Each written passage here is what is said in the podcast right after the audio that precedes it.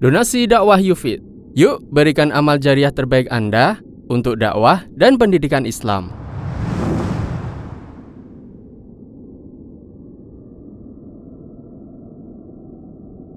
Bismillahirrahmanirrahim.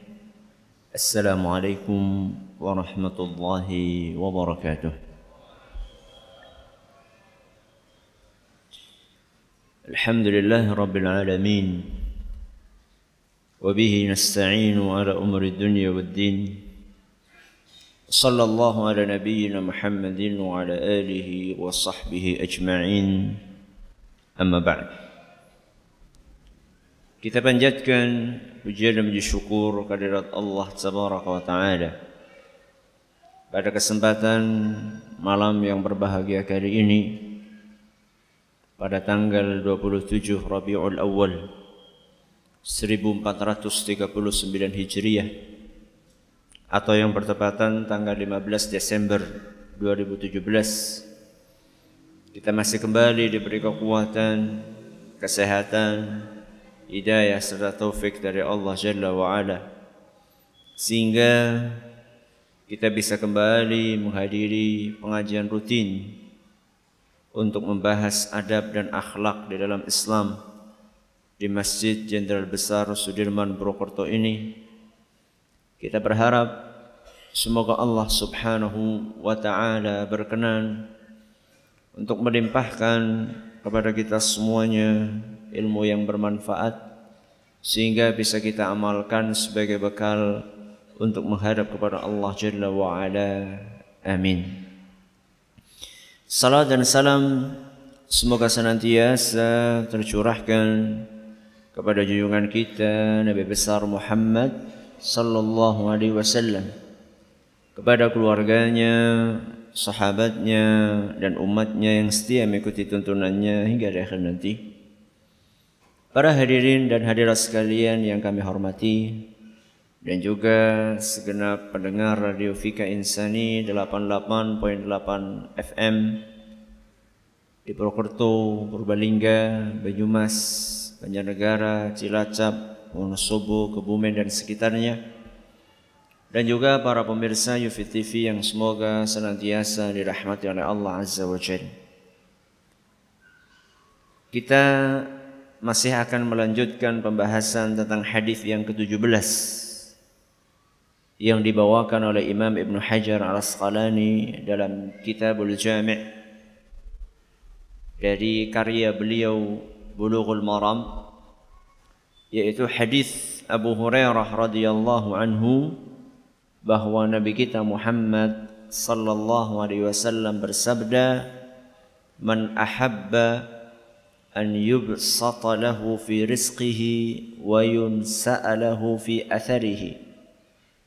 Siapa yang ingin diluaskan rizkinya dan dipanjangkan umurnya fal yasil rahimahu hendaklah dia bersilatu rahim pada pertemuan terakhir kita telah bahas apa yang dimaksud dengan silaturahim atau definisi silaturahim. Masih ingat apa? Menyambung hubungan kerabat. Definisinya adalah menyambung hubungan kerabat. Sehingga kemarin kita juga jelaskan yang dimaksud dengan kerabat di sini siapa? Menyambung hubungan kerabat. Kerabat itu maksudnya siapa? Kita sampaikan bahwa kerabat itu berlevel-level. Kerabat yang levelnya paling tinggi adalah kerabat yang mahram. Kerabat yang mahram yaitu kerabat yang haram untuk dinikahi. Kita telah sampaikan kemarin ada contohnya ada tujuh jenis. Ada bapak dan ibu kakek nenek, terus anak, cucu, paman, bibi, kakak, adik telah kita sampaikan. Kemudian level berikutnya adalah kerabat yang bukan mahram. Contohnya seperti saudara sepupu. Saudara sepupu. Contoh yang lain, yo banyak banget. Ya. Saudara tunggal buyut saudara tunggal atasnya buyut tunggal canggah sampai tunggal apa Ustaz? Jadi dikatakan saudara kerabat itu sampai tunggal satu kakek yang keberapa? Kalau nggak ada batasannya nanti orang satu dunia kerabat semua. Betul? Karena orang satu dunia itu akan ketemu di kakek nomor berapa itu? Orang ngerti loh. Yang penting kakek itu adalah Nabi Adam. Apakah itu maksud kerabat non mahram?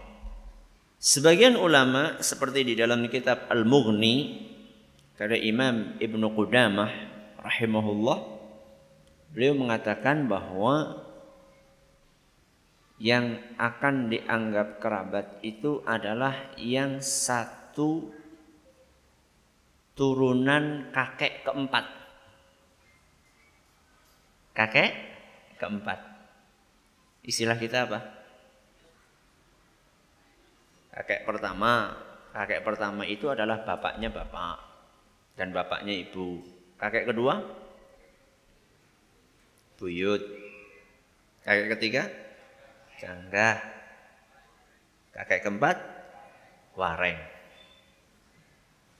Berarti yang satu wareng. Kalau sudah di atas wareng apa itu?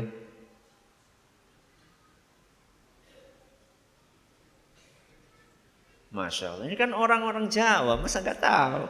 Kok kayak saya? Udah gudeg siwur. Yakin ini?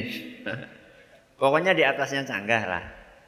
Kalau sudah di atasnya canggah, itu memang masih ada hubungan, tapi sudah sangat jauh. Dan banyak di antara kita jangankan sampai canggah, sampai buyut aja banyak di antara kita yang tidak tahu. Jadi sebenarnya membuat silsilah keluarga itu bagus. Membuat silsilah keluarga itu bagus. Dan yang peduli dengan itu di zaman kita ini sedikit apa banyak? Sedikit. Dan bahkan ada sebagian orang anti. Anti. Kok anti Ustaz? Iya. Dia pikir itu adalah bagian dari fanatisme kerabat. Ya. Ya tergantung niatnya toh. Kita bikin silsilah itu niatnya apa? Coba kalau jenengan pengen menelusuri silsilah. Itu niatnya apa coba? Silaturahim. Itu niatnya. Jadi kita pengen tahu mana sih manusia-manusia yang perlu untuk disilaturahimi. Itu niatnya. Bukan dalam rangka oh jebulenya ngasih turunannya raja siapa? Oh, aja Fir'aun. Raja Siliwangi misalnya. Bukan untuk menonjolkan diri, bukan. Bukan untuk sombong-sombongan, angkuh-angkuhan, bukan. Tapi untuk menelusuri sebenarnya Yang harus kita sambung itu yang mana? Karena kita takut. Jangan-jangan kita belum menunaikan perintah agama. Jangan-jangan kita belum menunaikan perintah Allah yang memerintahkan kita untuk bersilaturahim. Dan kita tidak bisa menunaikan perintah Allah ini kalau kita tidak tahu siapa kerabat-kerabat kita. Bagaimana kita akan silaturahim? Silaturahim kan apa tadi definisinya? Menyambung hubungan kerabat. Menyambung hubungan kerabat. Lawong kerabatnya enggak tahu gimana mau nyambung. Ya. Itu pembahasan kita kemarin. Sekarang kita akan bahas bahwa silaturahim ibadah atau bukan? Ibadah atau bukan? Ibadah. Buktinya ibadah kita disuruh oleh Allah dan oleh Rasul SAW untuk bersilaturahim. Dan prinsip dasar yang harus kita pahami bahwa ibadah itu ada yang diterima dan ada yang tidak diterima. Sama siapa? sama Allah.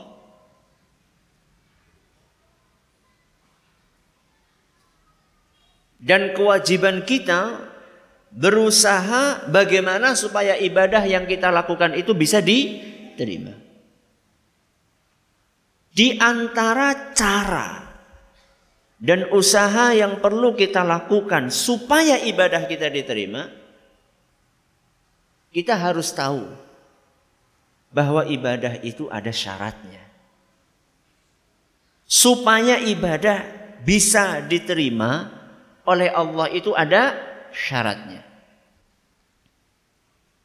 Dan ini sering disampaikan oleh para ustadz. Syaratnya ada berapa? Ada berapa? Dua.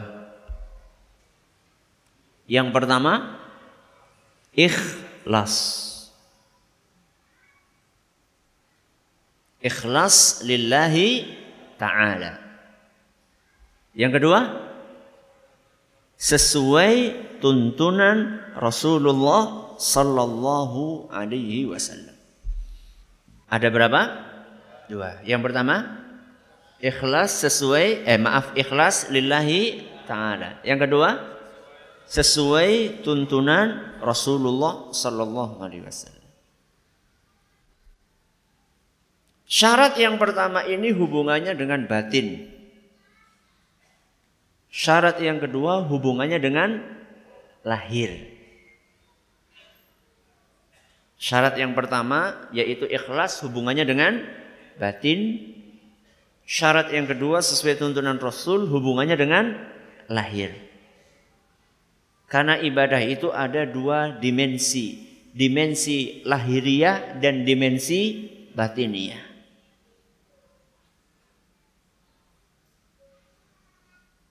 Nah, silaturahim ini ibadah. Sehingga kalau kita ingin silaturahim kita diterima oleh siapa tadi? Oleh Allah.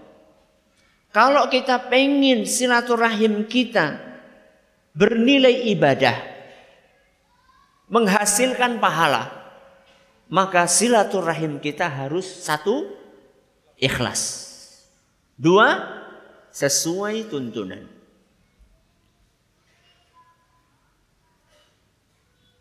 Saya perkirakan tadi nggak akan cukup untuk membahas dua-duanya malam ini. Sehingga kita akan cicil malam ini kita hanya akan membahas ikhlas dalam silaturahim maksudnya apa. Pertemuan berikutnya insya Allah dan mohon maaf jadi molor lagi. Ya. Kita pikir hari ini kita akan selesaikan hadis yang ke-17. Ternyata molor lagi mohon maaf. Bersedia memaafkan? Alhamdulillah. Halal ya? Halal. Jadi malam ini kita cuma akan membahas ikhlas dalam silaturahim. Maksudnya apa? Ikhlas itu kan artinya murni. Murni itu berarti tidak ada campurannya. Susu murni. Berarti susu ini nggak ada campurannya. Madu murni. Berarti madu ini tidak ada campurannya.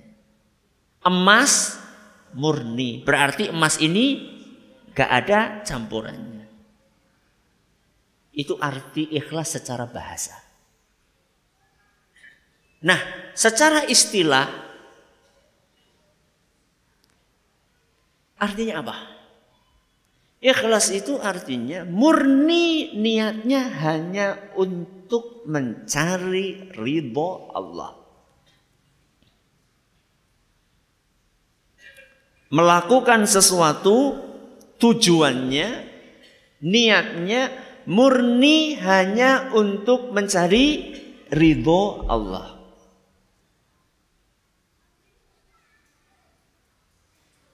Gampang? Gampang? Gampang ngomongnya. Maksudnya gampang untuk me mengucapkan. Jenengan silaturahim sudah ikhlas? Sampun? Alhamdulillah. Itu kan klaim. Klaim sepihak. Dan setiap klaim itu harus ada pembuktian. Ikhlas dalam silaturahim. Salah satu buktinya bahwa kita benar-benar ikhlas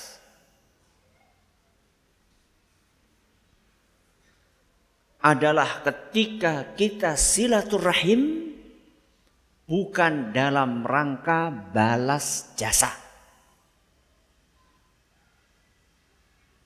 Saya ulangi.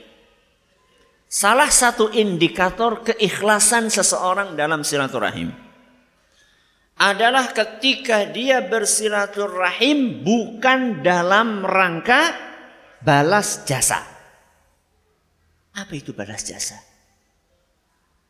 jenengan berkunjung bersilaturahim kepada Pak D karena Pak D berkunjung kepada jenengan.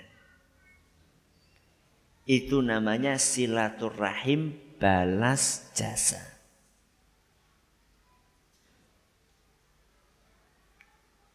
Anda ngutangi adik Anda.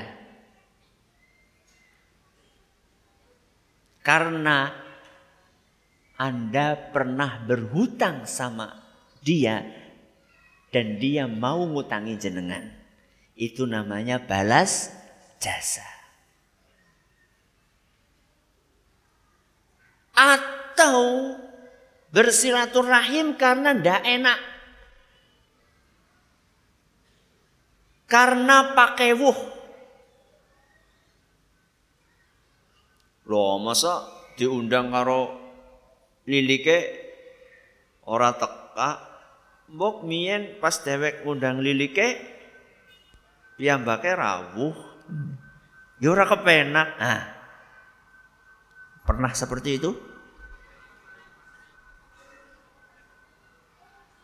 Ki gilirane ngesuk pertemuan keluarga dengan di Kan sering kan ada arisan apa? Keluarga. Silaturahim keluarga. Ki giliran nanti. Oh nongone uane lik anu wingi pas dewek ngundang kae rawuh ora kae? Rawuh. Oh siki kudu rawuh, siki kudu tekangan. Ah. Kemarin kan ketika kita undang dia pas giliran di rumah kita, dia akan datang. Nah sekarang giliran dia yang undang kita, kita harus datang. Kenapa? Yura ya, kepenak. Nah. Pernah seperti itu? Gue ikhlas jenenge. Makanya tadi saya katakan, klaim sepihak. Setiap klaim itu harus ada pembuktiannya.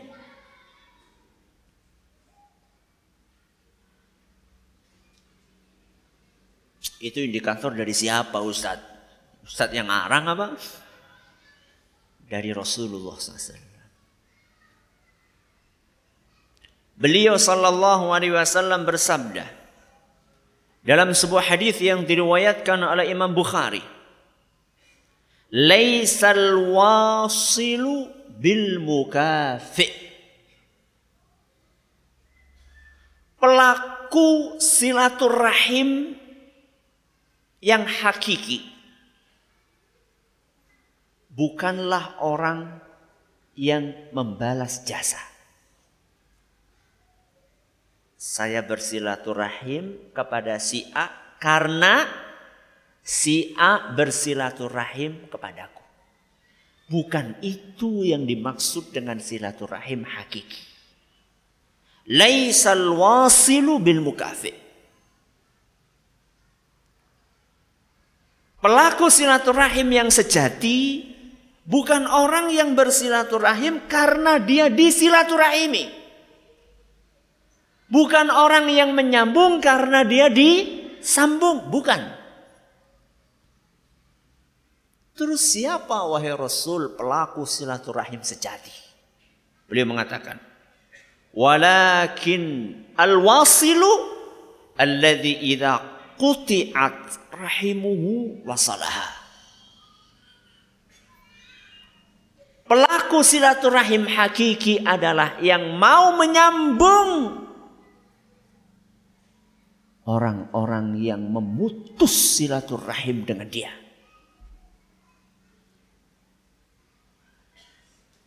Siapa pelaku silaturahim hakiki? Nyambung orang yang memutus.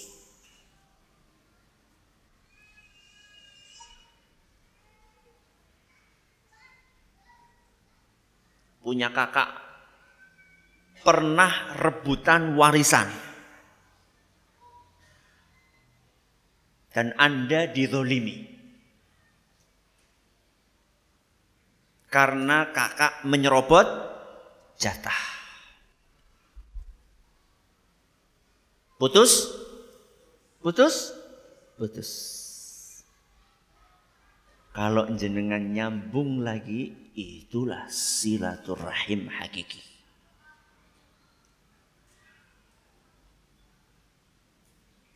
Gampang?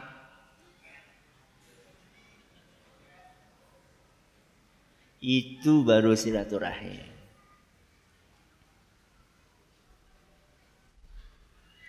Panjenengan punya Pak D. Gak pernah nelfon, nggak pernah SMS. Apalagi berkunjung. Nelfon saja nggak pernah. Jenengan mulai berkunjung ke sana. Walaupun disambut dengan muka yang cemberut, tapi jenengan senyum Senyum kepada orang yang cemberut.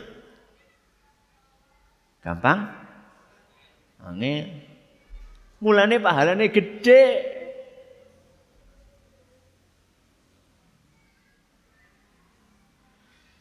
Anda punya orang tua.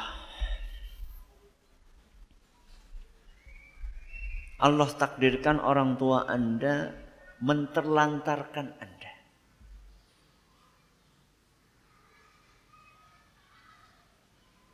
bisa dikatakan Anda dibuang.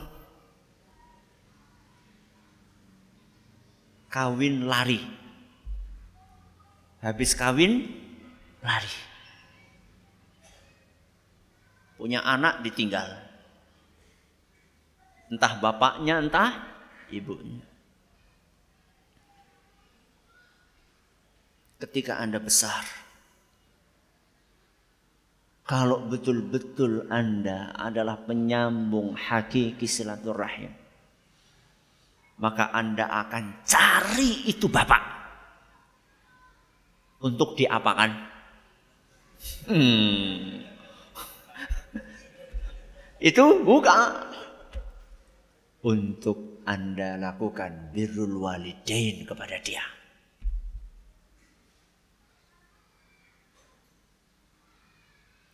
Itu namanya silaturahim hakiki.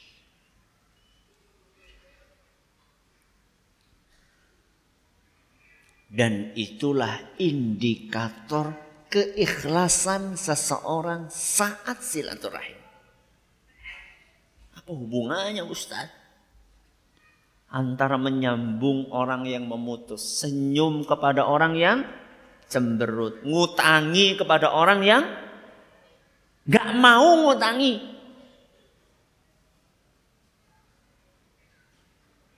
Mengirim makanan kepada orang yang Gak pernah mau ngirim makanan. Apa hubungannya ini semua dengan ikhlas Ustaz? Ketika ada orang melakukan itu semua, apa yang diharapkan? Apa yang diharapkan? Ridho Allah.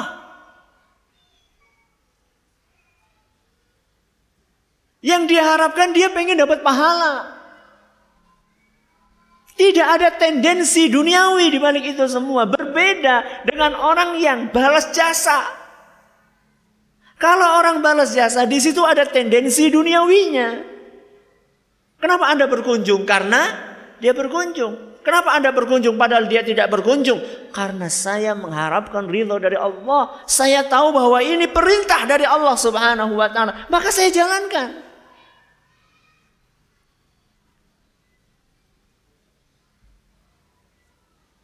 Begitulah orang-orang besar mengajarkan kepada kita. Siapa orang-orang besar itu? Nabi kita Muhammad sallallahu alaihi wasallam. Siapa orang-orang besar itu? Abu Bakar, Umar, Uthman, Ali. Para sahabat Nabi SAW mereka mengajarkan seperti itu. Nabi kita Muhammad sallallahu alaihi wasallam Berapa kali disakiti oleh Abu Jahal, oleh Abu Lahab. Oleh kerabat-kerabatnya dari suku Quraisy. Berapa kali beliau disakiti? Nabi kita Muhammad sallallahu alaihi wasallam ketika beliau mengajak umatnya, mengajak masyarakatnya untuk masuk kepada Islam, apa jawaban mereka? Cacian, makian, lemparan batu sampai beliau berdarah-darah. Peristiwa ketika beliau berdakwah ke kota Taif. Ketika beliau berdarah-darah karena dilempari batu tersebut, beliau bernaung di bawah sebuah pohon sambil mengusap darah yang mengucur dari dahi beliau. Datang malaikat. Malaikat gunung. Malaikat yang ditugasi oleh Allah untuk ngurusi gunung. Malaikat itu datang kepada Nabi sallallahu alaihi wasallam dan berkata, "In syi'ta an utbiqa alaihimul akhshabain." Wahai Muhammad, kalau kamu mau, aku akan cabut dua buah gunung besar yang ada di kota Mekah, kemudian aku timpakan kepada orang-orang yang tadi melemparimu dengan batu. Apa jawaban Nabi SAW? manusia besar, orang besar. Apa jawabannya? Bal arju an yukhrijallahu min aslabihim man ya'budullaha wahdahu la yushriku bihi syai'a. Jangan. Aku berharap dari orang-orang tadi akan muncul generasi yang beribadah kepada Allah dan tidak mensekutukan Allah sedikit pun. Aku berharap mereka dapat hidayah. Jangan engkau hancurkan mereka. Hadis riwayat Bukhari dan Muslim. Maaf, hadis riwayat 6. Hadis riwayat Bukhari dan Muslim. Ketika perang Uhud, ketika perang Uhud, beliau sallallahu alaihi wasallam juga terluka. Apa kata beliau? Allahumma ghfir liqaumi fa innahum la ya'lamun. Ya Allah ampunilah mereka. Mereka lakukan itu karena mereka nggak tahu. Padahal tawaran dari malaikat untuk menimpakan hukuman kepada orang-orang tersebut? Ada. Nabi berdoa seperti itu bukan karena Nabi SAW dalam posisi tidak bisa melakukan apa-apa, bukan. Beliau punya kekuatan, beliau punya peluang untuk balas dendam, tapi tidak beliau lakukan. Itulah manusia yang berjiwa besar. Bukan manusia-manusia kerdil. Jadi orang tahu menganah sorry ya. Kayak wong atos banget kayak. Dari nyong bisa atos apa? Manusia-manusia berjiwa kerdil.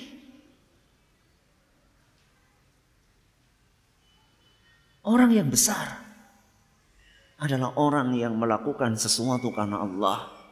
Bukan karena tendensi duniawi. Abu Bakar As-Siddiq tidak jauh beda dengan kekasihnya Nabi kita Muhammad sallallahu alaihi wasallam. Ini kisah pernah saya bawakan di pengajian tafsir di Masjid Agung Purbalingga. Kisah antara Abu Bakar As-Siddiq dengan seorang yang bernama siapa? Mistah. Siapa? Mistah. Siapa Mistah? Mistah itu adalah anak bibinya Abu Bakar. Berarti apa ini? Sepupu. Sepupunya Abu Bakar As-Siddiq. Mistah ini miskin. Masih kerabatnya Abu Bakar? Masih. Kerabat mahram? Bukan. Laki-laki?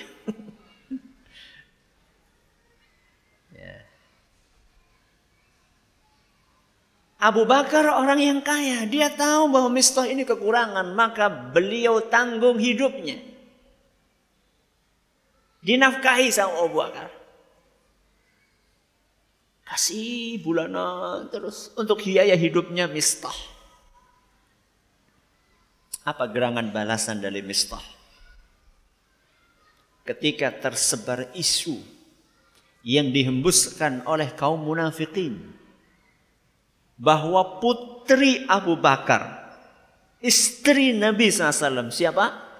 Aisyah radhiyallahu anha disebarkan isu bahwa Aisyah ini berzina. Nauzubillah min dzalik. Istri Nabi SAW berzina mustahil. Tak mungkin. Ya. Yang menyebarkan itulah kaum munafikin. Sebagian kaum mukminin terpengaruh dengan isu tersebut dan ikut menyebarkan. Dan salah satunya adalah Mistah. Anda bisa bayangkan bagaimana perasaan Abu Bakar. Ini orang ditanggung hidupnya sama Abu Bakar. Begitu ada isu fitnah yang, mener, yang menerpa putrinya Abu Bakar. Ini malah ikut menyebarkan isu tersebut. Maka begitu melihat perilaku yang dilakukan oleh Mistah itu, Abu Bakar pun bersumpah, aku tidak akan lagi menafkahi Mistah. Sakit perasaan seorang ayah Apa yang terjadi? Ditegur Abu Bakar oleh Allah. Siapa yang negur? Allah Azza wa Allah sampaikan teguran itu dalam surat An-Nur ayat 22. Surat An-Nur ayat 22. ولا يأتل أولو الفضل منكم والسعة أن يؤتوا أولي القربى والمساكين والمهاجرين في سبيل الله tidak boleh orang yang punya keluasan rizki di antara kalian bersumpah untuk tidak menafkahi kerabatnya. Atau orang-orang yang berhijrah di jalan Allah. Atau orang-orang miskin. Tidak boleh. Ditegur seperti itu oleh Allah. Nggak boleh yang kamu lakukan nggak benar Abu Bakar. Terus apa yang seharusnya dilakukan? Wal yafu wal yasfahu. Maafkan. Jadilah orang yang berjiwa lapang. Maafkan dia. Siapa yang nyuruh? Allah.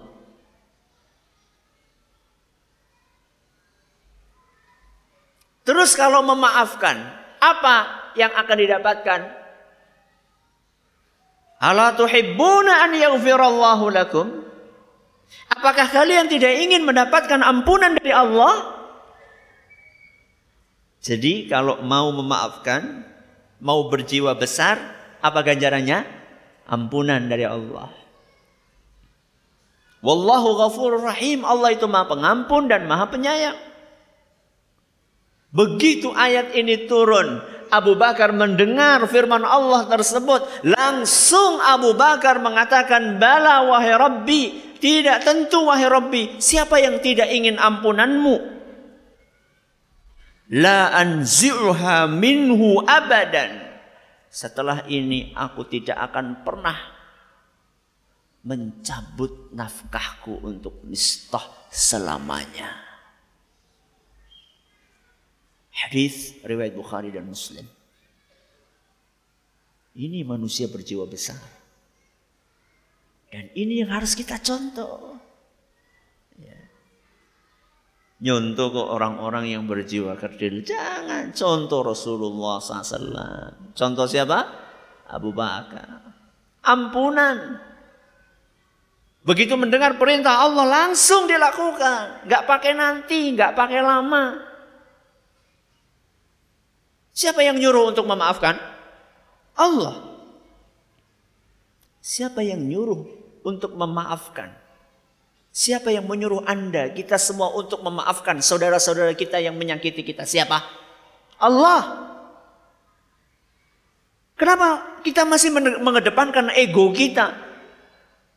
Oh, kalau saya maafkan, saya nanti kehormatannya akan hancur berantakan. Di mana muka saya? Lah itu mukanya masih ada. Di mana muka saya kalau saya mengunjungi orang itu? Dia sudah menghina saya di hadapan keluarga besar saya. Apa komentar orang? Subhanallah. Yang kita cari ini komentar orang atau ampunan Allah? Ala tuhibbuna an yaghfirallahu lakum? Apakah kalian tidak ingin mendapatkan ampunan dari Allah? Kita semua itu butuh ampunan. Ya. Ini keuntungan yang pertama. Kalau kita membalas keburukan dengan kebaikan. Apa? Ampunan. Yang kedua. Mari kita dengarkan sebuah kejadian yang terjadi pada zaman Nabi Shallallahu Alaihi Wasallam. Dan ini menunjukkan bahwa kasus yang dialami oleh sebagian kita, saya yakin di sini ada yang mengalami kasus diputus silaturahimnya, disakiti, betul? Ya. Kasus itu sudah ada pada zaman Nabi SAW. Anna rajulan qala ya Rasulullah inna li qarabatan asiluhum wa yaqta'uni. Wahai Rasul. Sahabat datang kepada siapa? Rasul curhat. Apa isi curhatnya ya Rasulullah? Aku ini punya kerabat. Kerabatku ini aku sambung. Tapi dia mutus. Aku sambung dia putus. Wa uhsinu ilaihim wa yusi'una ilayya. Aku berusaha berbuat baik kepada dia. Dia malah balas itu dengan berbuat jahat kepadaku.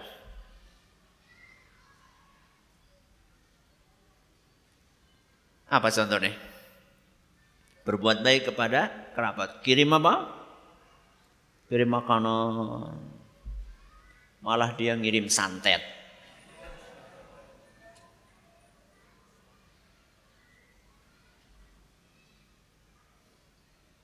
Wa ahlumu anhum wa yajhaluna alayya. Aku sayang kepada mereka, tapi mereka jahat kepadaku, mereka benci kepadaku. Ini sebuah momen yang sangat sulit. Apa jawaban Nabi SAW? La in kunta kama qulta faka'annama tusiffuhumul mal. Kalau apa yang kamu sampaikan benar. Kalau engkau menceritakan realita yang sebenarnya. Kamu nggak bikin-bikin. Alias kamu jujur dalam kabar berita yang kamu sampaikan barusan. Merekalah yang rugi. Siapa yang rugi? orang kerabat yang memutus, yang menyakiti, yang berbuat jahat. Mereka yang rugi. Terus aku bagaimana? Wala yazalu ma'aka minallahi zahirun alaihim madum ta'ala dhalik. Selama engkau berbuat seperti itu, membalas keburukan dengan kebaikan, maka Allah akan terus menolongmu. Allah akan menjadi penolongmu, akan terus membantumu untuk menghadapi mereka. Hadis riwayat Muslim. Ini berarti keuntungan yang kedua. Apa? Pertolongan dari siapa? Allah.